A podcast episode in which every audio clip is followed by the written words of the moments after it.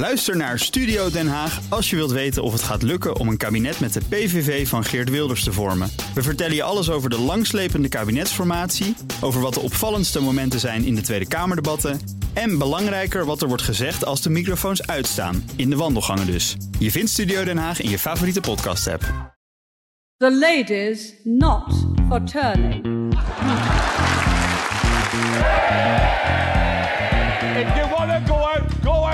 But if you stand again, I'll lord you out. Make your mind up. Are you excited about another election? You're joking. Not another one? Oh, for God's sake, I can't honestly.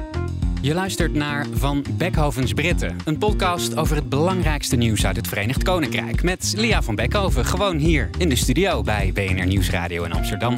Ik ben Connor Klerks. Dag Lia, fijn dat je er bent. Weinig te zijn. Ik kan je Amsterdam. aankijken. Heel anders, hè? Ja, dat verandert Moet je zeggen, wel. eh, mijn uitzicht is beter. Mijn eh, werkkamer in, eh, in Londen. Ik kijk nu uit op een eh, ja, fietsen, een fietsenrek. Een groot fietsenrek. Het is wel En de weer... brede straat. En in de verte weet ik dat daar het Amstelstation. en dat is het. Ja. Valt tegen, Connor. Ja, ik, ik zal proberen de volgende keer een iets meer pittoreske locatie te proberen te regelen. Waarom ben je in Nederland? Ik heb van alles en nog wat te doen. Ik heb een aantal klussen. Hmm. En vaak word ik gevraagd voor ehm, eh, een presentatie of een dagvoorzitterschap. En dan plak ik er een paar dagen eh, tegenaan. Ja. En dan doe ik andere dingen. Dan zie ik familie, dan ga ik uit met vrienden. En dan zie ik jou dus in de studio in Amsterdam voor onze podcast. Ja, hartstikke leuk. Hele ja, we hebben het vandaag over een oud verhaal, maar voor mij is het nieuw. Ehm, het gaat over de Tweede Wereldoorlog en een zwarte bladzijde in de, de Britse oorlogsgeschiedenis. Die eigenlijk heel lang verborgen is gebleven, maar daar komt nu verandering in na 80 jaar. Wat is er aan de hand? Ja, een internationale onderzoeksorganisatie heeft ehm, toestemming gekregen van de regering om te gaan kijken wat er gebeurde tijdens de Tweede Wereldoorlog op Alderney. Hmm. En Alderney is één, nooit van gehoord, nee, ik ook niet. De meeste Britten ook niet hoor. Nee.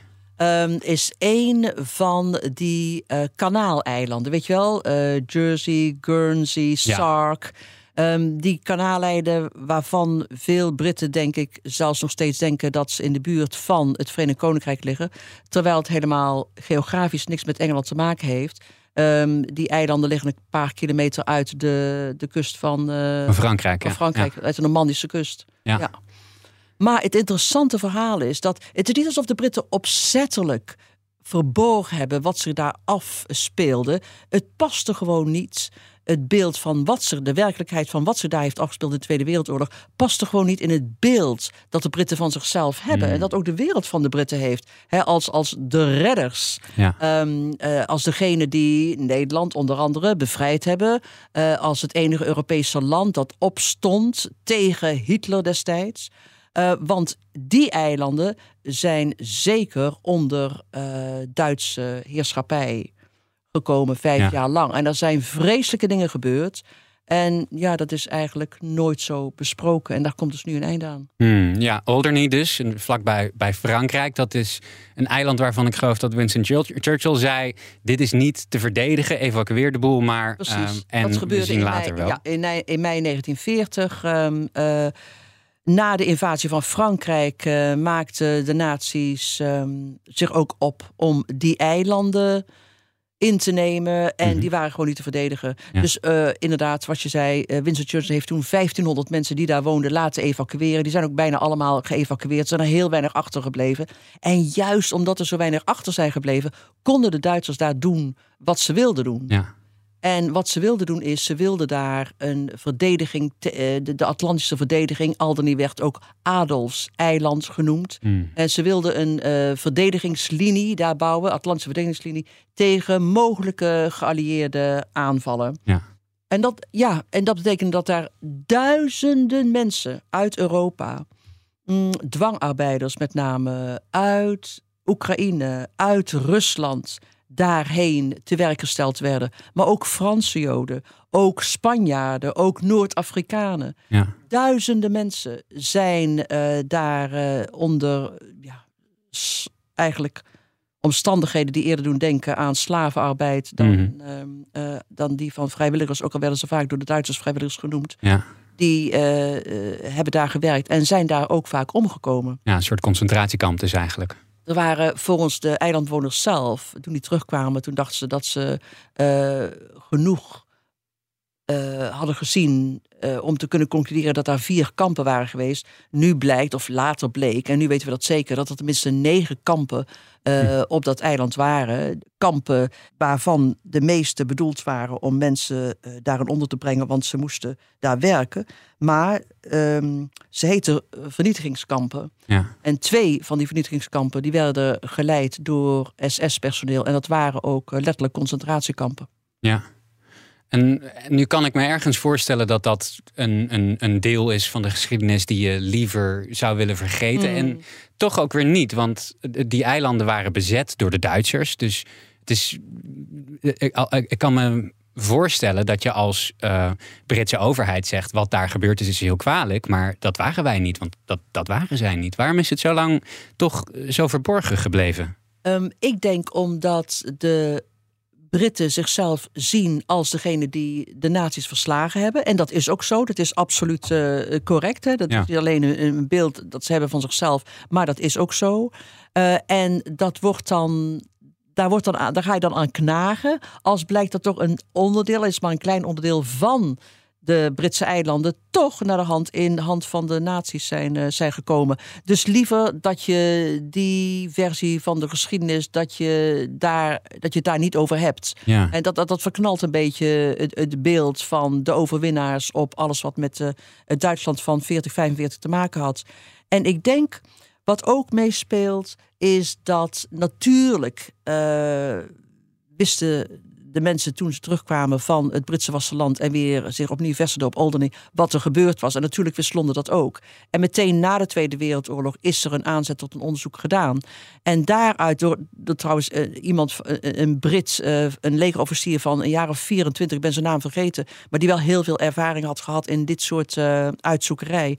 En die kwam al heel snel tot de conclusie dat een aantal van die graven die hij ontdekte, dat daar vooral Russische uh, mm. mensen in terechtgekomen waren.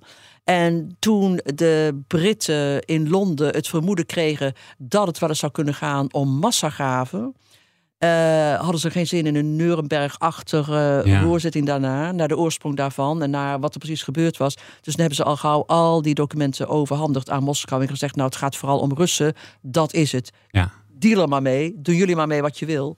Um, en toen is het eigenlijk min of meer stil komen te liggen. Af en toe in de jaren 50 en 60 zijn er pogingen gedaan om letterlijk verder te graven. Ja. Um, ieder jaar ook in mei houden de eilandbewoners um, een, een, een, een ceremonie om de doden te herdenken daar. Maar de aantallen liepen ook zo uiteen. Oké, okay, het waren arbeidskampen. Mensen overleden er. Nogmaals, het waren vernietigingskampen. Arbeid durch Vernichtung heten ze ook. Mm. Dus het is duidelijk dat ze ja, niet ja, bedoeld waren. Andersom, hè? Ja, vernichting door arbeid. Ja, vernichting door arbeid. Uh, dus het was heel duidelijk dat ze nooit voorbestemd waren om mensen daar levend uit uh, te krijgen. Maar sommigen zeiden, nou, we weten in ieder geval dat er acht Franse Joden omgebracht zijn.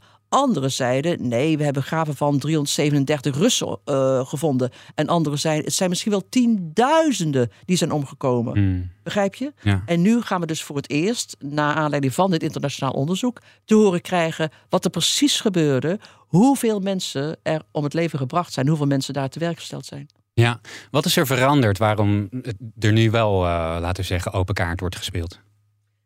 Um, ik denk dat het Internationaal Instituut uh, daar heel lang op heeft aangedrongen bij, uh, bij Londen. En op den duur hebben de Britten gezegd, uh, ik denk wat mij betreft een vrij onduidelijke redenen. Maar we, we willen dat, ik denk niet dat de Britten ook bang zijn om dat verleden onder ogen te zien, hmm. denk ik. Um, lang genoeg geleden. Het is lang genoeg geleden. Ik denk dat dat de belangrijkste reden is. Het is niet echt een duidelijke reden geweest waarom de Britten er anders over zijn gaan, gaan nadenken. Hmm. Maar er was ook inderdaad vrij grote druk van allerlei kanten ook uh, op Londen. Je kunt dit niet meer negeren. Je moet nu echt, echt erkennen dat er iets gebeurd is wat niet helemaal past in, ja. in, in jouw versie hè, van de, de, de, Britten die geen millimeter grondgebied hebben afgestaan. De tegenstelling tot de rest van uh, Europa aan, uh, aan de naties. En ja, nu hebben de Britten gezegd, laat het maar komen. En wat, wat, wat, hopen de onderzoekers hier uiteindelijk mee te uh, bereiken? Want ik kan me ook voorstellen dat als dit uh, op zo'n manier door al die documenten aan de Russen te geven, dat het ja, de, de doofpot is een groot woord, maar dat het wel een beetje weggemoffeld is, kan ik me ook voorstellen dat er uh, bijvoorbeeld mensen zijn die nog berecht kunnen worden, uh, uh, zij het postuum, of dat er nog iets gezegd kan worden over wie daar wat gedaan heeft. Nee, want een van de hoogste kampcommandant ehm, is nog niet zo gek lang geleden overleden. Dus hmm. nooit, dus, de, ik denk niet dat het gaat over de berechten konden, maar ik denk dat het wel gaat over. En dat vind ik ook zo interessant, hoe de Britten aankijken tegen hun geschiedenis in de Tweede Wereldoorlog. Ja. Um, uh, kijk, het is niet alsof de Britten geneigd zijn geweest hun verleden te vergeten. En zeker niet als het gaat hè, om, om een heldendaden, wat, wat Vincent Churchill noemde, their finest hour in de Tweede Wereldoorlog. En gelijk hebben ze. Ik bedoel, je hebt zoveel monumenten in het Verenigd Koninkrijk. Er is een permanente tentoonstelling in uh, de Imperial War Museum. Er is een, een heel mooi standbeeld, um, vind ik, in Hyde Park. Uh, zojuist heeft um, het Britse parlement ook na jaren soebatten besloten om in de tuin die aanpalend aan het parlementsgebouw ligt, om daar een uh, Holocaust museum neer te zetten. Ja. Ik weet niet of je daar tekening van gezien hebt, maar het is gigantisch groot, heel erg omstreden. Het lijkt nog het meest op een uh, heel groot bronzen toast rack. Hm. Weet je wel, zo'n instrument waar de Britten hun grote ja. boterhammen in stoppen. Maar hoe dat gaat dus allemaal daar komen te staan. En tegelijkertijd is dus een vaste Kamercommissie uh, gaan kijken naar wat gaan we doen op Alderney. Mm -hmm. uh, hoe gaan we dat herdenken? Ja. Want wat daar gebeurd is, is nog steeds erg omstreden, ook bij de bewoners zelf. Mm. Want als je eenmaal gaat schaven letterlijk naar het verleden daar, dan geeft dat toch een andere waarde eraan. En dat kan wel eens, en dat, daar zijn de bewoners, de 2000 mensen die daar wonen, echt bang voor. Wat betekent dat voor de toekomst? En ik herinner me nog de verbazing, uh, ik las daarover, de verbazing van een van de leden van die Vaste Kamercommissie, die naar Alderney ging. En in, uh, een bij, op een bijeenkomst van uh, de eilandbewoners zei van... jullie hebben hier niet om gevraagd, maar jullie zijn wel uh, de voogden, zo je wil, van dit onderdeel van onze Britse Tweede Wereldoorloggeschiedenis. Dus Ja. we moeten daar voorzichtig mee omgaan. Wat vind je ervan als wij bijvoorbeeld struikelstenen af en toe hier en daar op het eiland ehm, eh, gaan neerzetten? En zelfs daar was eh, protest tegen. Ja. Het lijkt me ook wel heel raar, Lia, als je ehm, in, in een eh, zo'n zo'n zo'n zo'n klein eilandje is natuurlijk Ja. feitelijk een dorpje. Uh, als als uh, 80 jaar na dato ineens, is alsof je zeg maar in Veldhoven woont en ineens bestempel, bestempelt de overheid dat als een nieuw Bergen-Belsen. En is de hele identiteit van jouw dorpje is in één keer eh, een, een holocaustmonument. Nou, dat, is, dat dus is ook angst. vreemd. Dat is ook de angst. Kijk, het is niet alsof daar niets gebeurd is. En nogmaals, niemand daarvan, Ja. daarvan wist. Hè? Ik bedoel, het eiland zelf. eh, je hebt, het is heel klein. Het is, het is, het is 15 eh, kilometer. En het was inderdaad destijds de, ja, een grote gevangenis voor eh, eh, Europese dwangarbeiders onder Ja. Ehm, maar als je nog door dat eiland loopt, ik ben er nooit geweest hoor, maar dan schijn je voortdurend eh, onderaardse gangen tegen te komen. Er zijn allerlei bunkers, er zijn schuilkelders, er zijn vestingen. Dus alles herinnert je eraan. Ja. Punt is, wat doe je ermee? Er zijn mensen die zeggen van, jouw argument inderdaad geldt voor heel veel mensen, maar anderen zeggen, dat dilemma, ehm, hebben Russische dwangarbeiders en Franse Joden niet het recht om erkend te worden. Ja, ja, absoluut. Ja. En dat is dus de reden waarom die Tweede Kamercommissie na jarenlange soebatten tot de conclusie kwam: ja, dat hebben ze. Dus dan is de volgende vraag: hoe ga je die herdenken? Ja. Eh, en dat stuit op heel veel weerstand bij, bij, bij eh, eh, eilandbewoners. Eh, hoe zie je het eh, verleden onder, eh, onder ogen? Hmm. Dus een aantal mensen is bang dat, ook al kom je niet met een gigantisch monument, ook al heb je af en toe een struikelsteen, dat dat mensen aantrekt uit heel Europa. Met het gevolg dat het een soort themapark wordt voor Holocaust-belevers. Ja. Anderen zijn bang dat je tegenstelde effect krijgt. En dat het een soort aantrekkingsplek wordt voor eh, antisemieten, Ja, bijvoorbeeld.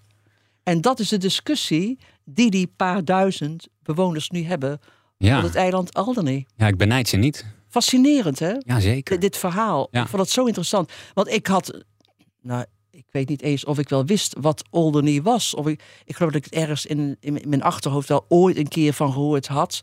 En ik wist natuurlijk ook dat die eilanden bezet waren geweest door eh, de Duitsers. Maar verder niet. Het leeft niet. Het wordt Nee. ook niet beleefd. Behalve dus inderdaad door die paar mensen eh, eh, op dat eiland. Ehm, en, en die dus nu een andere draai geven aan de manier waarop de Britten tot nu toe hun Tweede Wereldoorlog geschiedenis gezien hebben. Ja.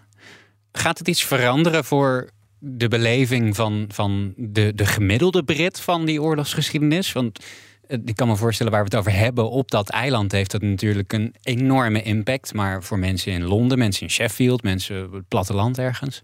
Nou, het, eh, het, het, de Tweede Wereldoorlog leeft nog heel erg in het Verenigd Koninkrijk. Ja. Echt, ken je nog Monty Python die zei, don't mention the war? Ja, Nou, de ja. Britten doen niets liever. Nee, Ik bedoel, eh, ze, ze hebben het voortdurend over de oorlog. Eh, iedere, praktisch iedere dag eh, hoor je wel iemand praten in de mainstream media over de Tweede Wereldoorlog. En natuurlijk ehm, eh, de manier waarop de, de, de Britten zich eh, tegen Hitler eh, verzet hebben. Ja. Ehm, het, het doordrengt nog steeds het denken van de Britten als we het hebben over de Europese Unie bijvoorbeeld. Ja, Eh, de manier waarop ze tegen het buitenland aankijken, de manier waarop ze zichzelf zien. En je zou kunnen zeggen dat Alderney toch een kleine kanttekening daarbij zou kunnen zijn. Hmm.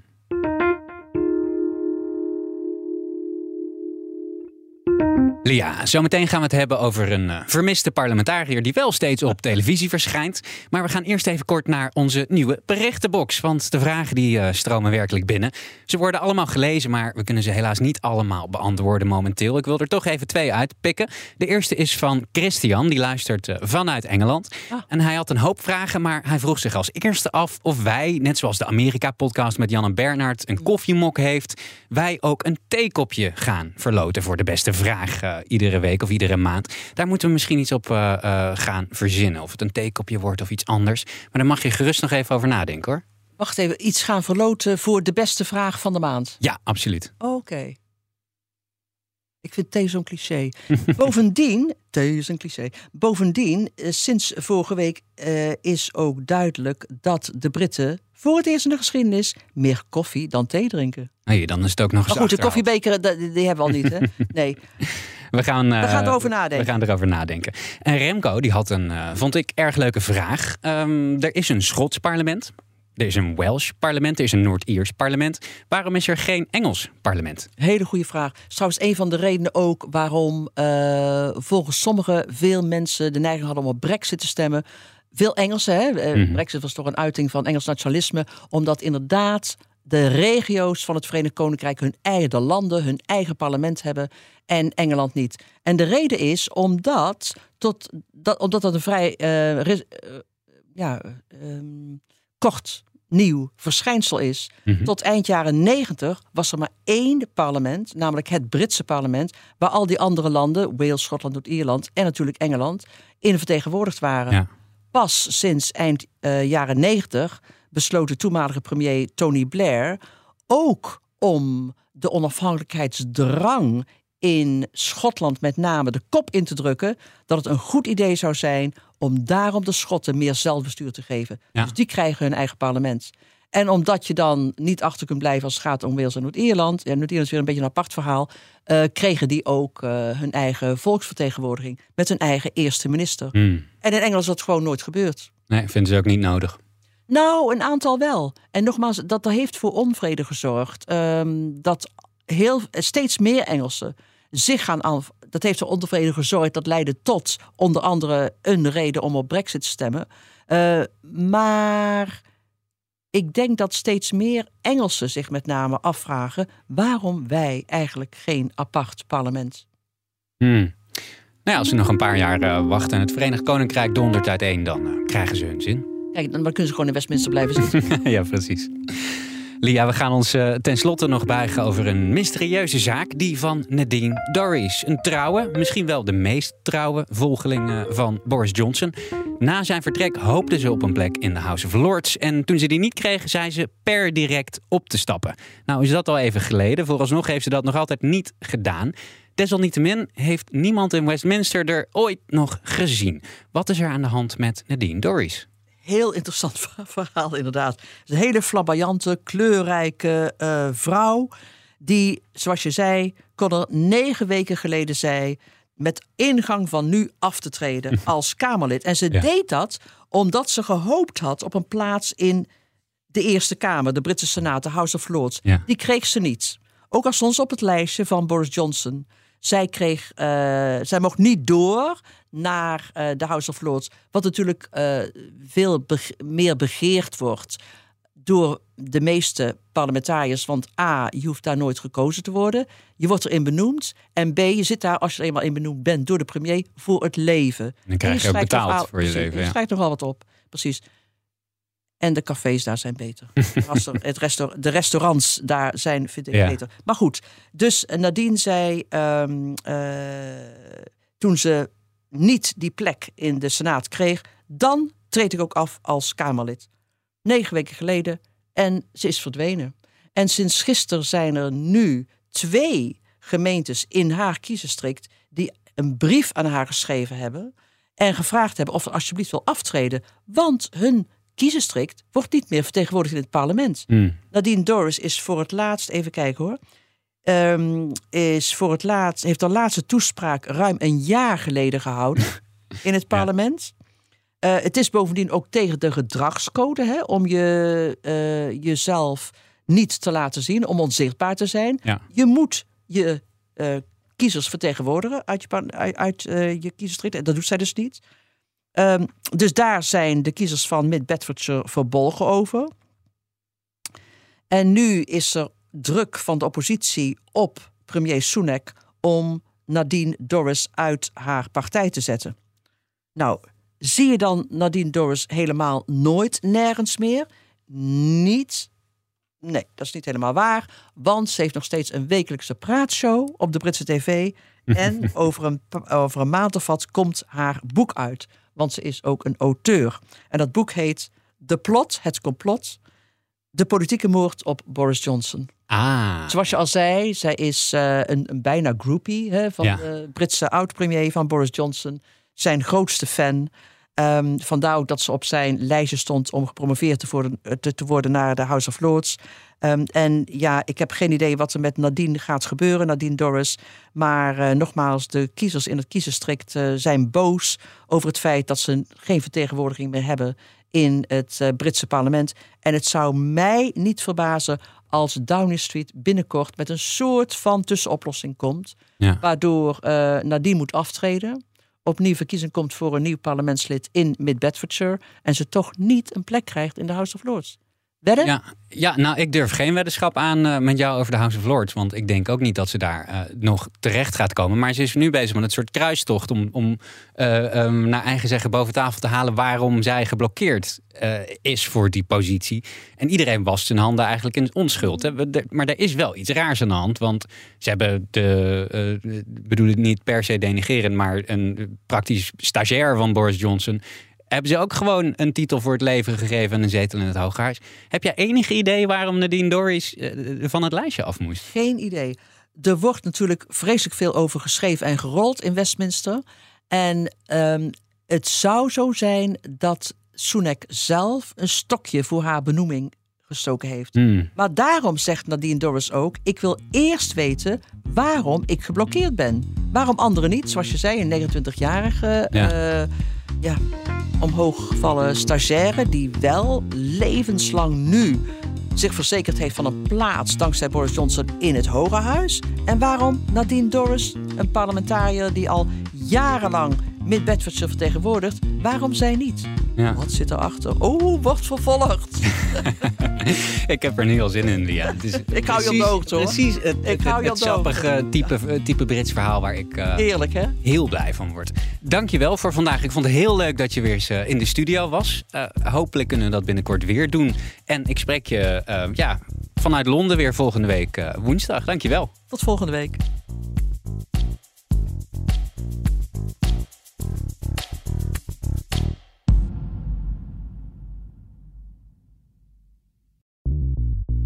Bij BNR ben je altijd als eerste op de hoogte van het laatste nieuws. Luister dagelijks live via internet. Bas van Werven. En heel langzaam komt de zon op rond dit tijdstip. Je krijgt inzicht in de dag die komt op BNR, het Binnenhof in Nederland en de rest van de wereld. De Ochtendspits. Voor de beste start van je werkdag. Blijf scherp en mis niets.